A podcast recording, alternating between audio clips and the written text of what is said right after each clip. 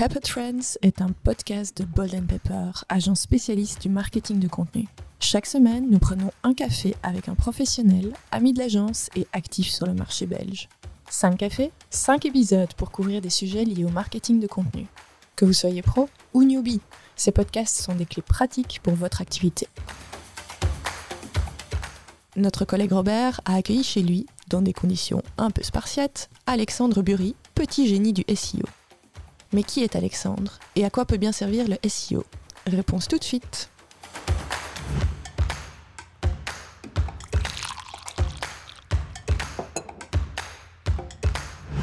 Bonjour Alexandre Bury. Bonjour. Pour ce quatrième café, euh, nous avons décidé d'organiser euh, ensemble un petit atelier à destination de ceux qui nous écoutent, de nos auditeurs, un atelier autour du SEO. Grâce à l'atelier qu'on va organiser ici ensemble, euh, eh vous allez pouvoir lancer vous-même, du moins amorcer une stratégie SEO. Alors, prenons un exemple, Alexandre. Je suis le responsable communication d'une PME belge, plomberie par exemple. J'arrive à votre bureau, je m'assieds devant vous et j'ai besoin que mon site internet euh, génère des opportunités business. Euh, j'ai besoin que euh, mon site internet remonte dans les propositions Google.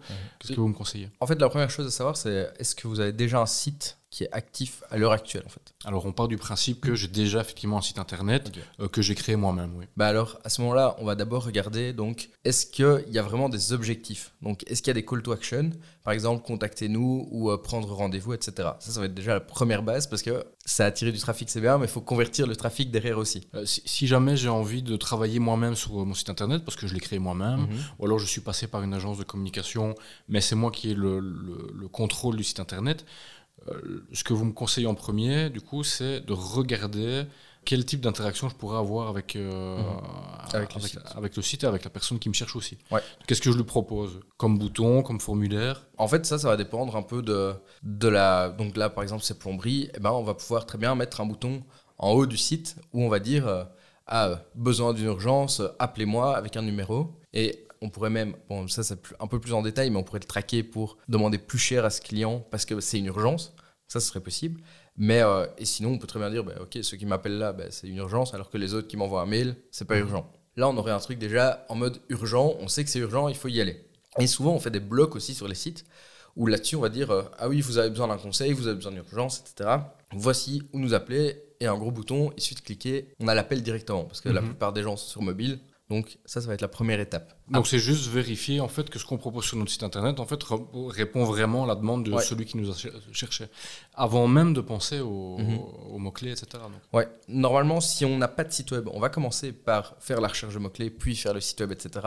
Et alors on optimisera en même temps le site. Alors que si on l'a déjà, bah, il vaut mieux déjà vérifier que bah, si on envoie du trafic, ça, ça, serve à quelque chose. Quoi. Voilà. Parce que si on a 1000 visiteurs mais qu'on n'a pas un bouton euh, appelez-moi, ou euh, contactez-nous. Euh, autant dire, il n'y a personne qui va jamais nous appeler.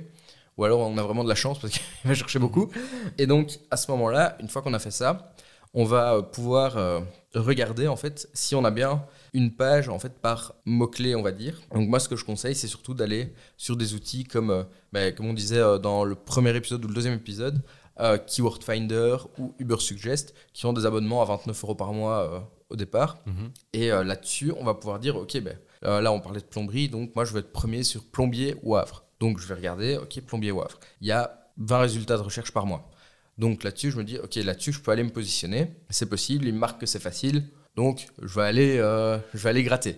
Et donc là, on va regarder sur notre site, OK, est-ce que j'ai une page dont le titre est plombier ou Havre? Et du coup, ben, si on a la page qui est plombier ou Havre, ben, on peut déjà se dire, ah OK, on a déjà pensé à faire cette page-là.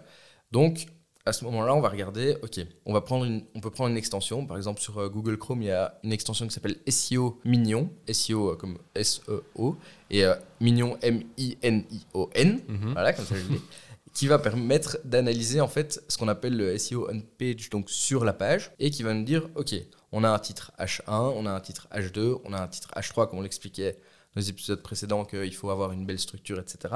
Mhm. Et on va voir si on retrouve bien aussi notre mot-clé plombier ou Havre. Parce que si on l'a pas, on va jamais, euh, va jamais passer là-dessus. Donc pour contrôler euh, tout ça, moi en tant que particulier, en tant que responsable communication de mon entreprise, je dois installer cette, euh, cette, extension.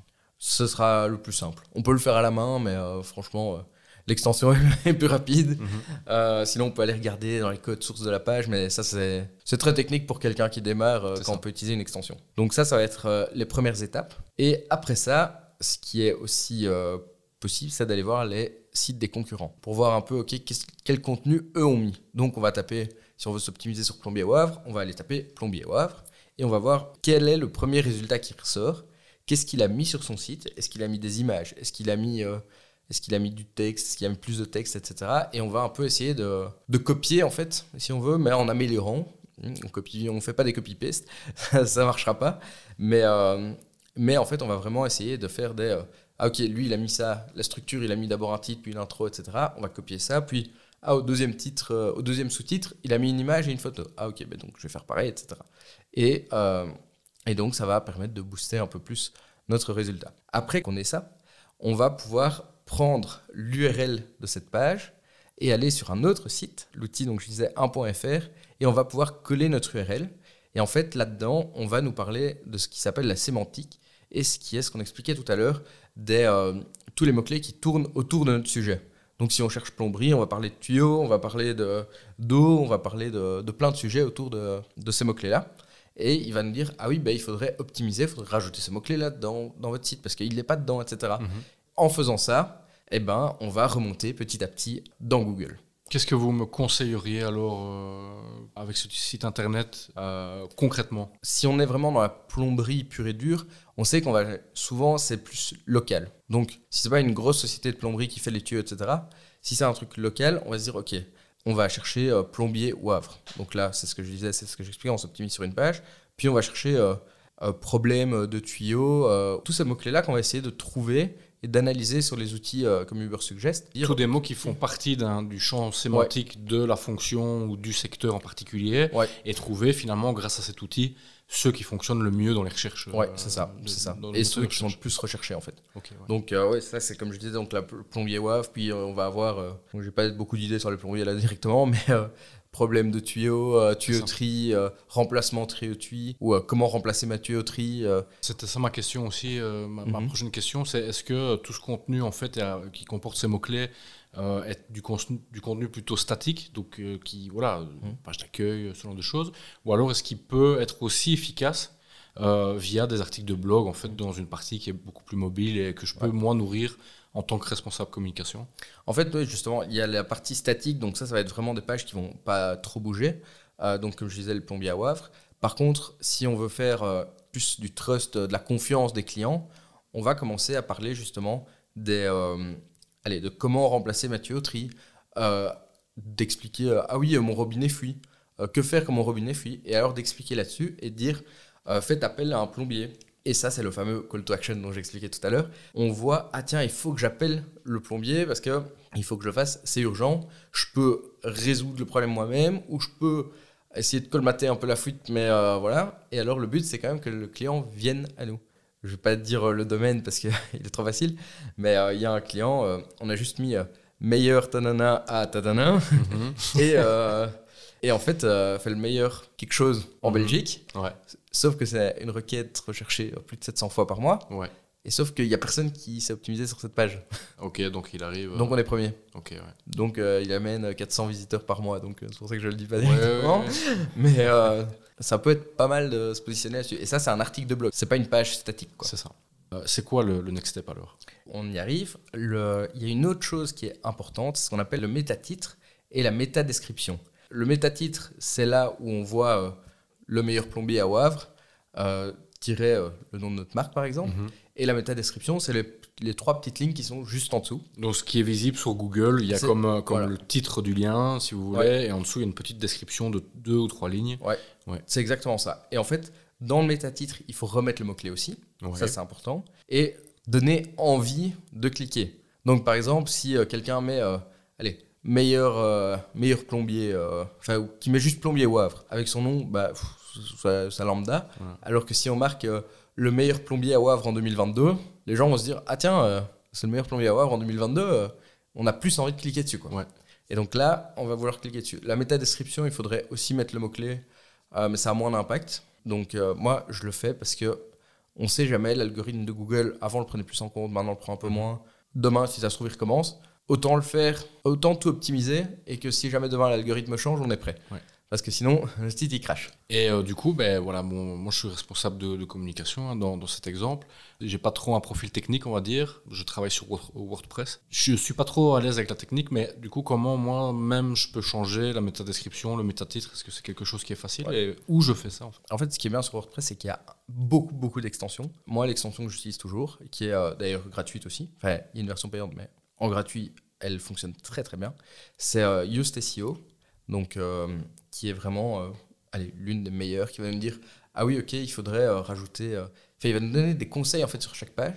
Donc, il va me dire Ah oui, il faudrait rajouter le mot-clé dans la métadescription, il faudrait rajouter le mot-clé dans le métatitre. Ah oui, dans, euh, il y a le mot-clé est trop de fois répété. Rien qu'avec ça, ça peut nous donner des idées. Il y a Faut pas tout à prendre. Ouais. Mais euh, franchement, si on, fait, si on suit les, les exemples là, qu'on améliore Mhm. un peu, etc., qu'on arrive dans le orange, euh, voire un peu vert, C'est un bon indicateur. c'est un bon indicateur. Quoi. Maintenant, c'est pas parce qu'elle est verte verte qu'elle va être bonne, Mhm. et c'est pas parce qu'elle est orange qu'elle va pas être bonne. J'ai des pages rouges qui sont très bonnes, Mhm. très optimisées, mais euh, au moins quand Faut on débute, à 100%. ouais, mais quand on débute, en fait, c'est génial parce qu'en fait, ça nous aide et euh, on arrive quand même à des bonnes positions euh, grâce à ça. Donc voilà pour ça. Et d'ailleurs, si on utilise WordPress, qui est quand même l'un des meilleurs, je trouve, qui est vraiment hyper modulable, etc., on peut aussi, niveau euh, technique, parce que ça, c'est un point quand même important, c'est la vitesse du site. Donc, moi, ce que je recommande, c'est d'utiliser euh, un hébergeur euh, quand même rapide et qui est en France, enfin en France, en Europe, etc.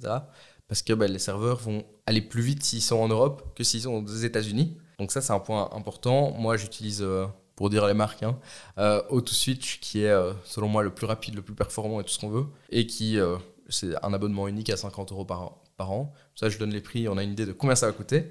Et après, bon, on rajoute le nom de domaine à 10-20 euros, quoi. Et en fait, celui-là, il est très rapide.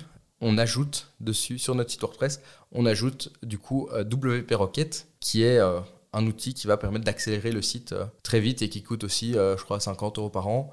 Actuellement, si on résume le tout, Mhm. si on le fait nous-mêmes, ça peut nous coûter, allez, on va dire euh, 200 à 300 euros quoi, pour viser large. Euh, on répète un petit peu ce qui a été dit euh, pendant, euh, pendant ce café. Donc, euh, je suis client chez vous, ou alors je suis tout simplement responsable de communication, ou j'ai une, une entreprise, une société. J'ai envie de booster mon SEO.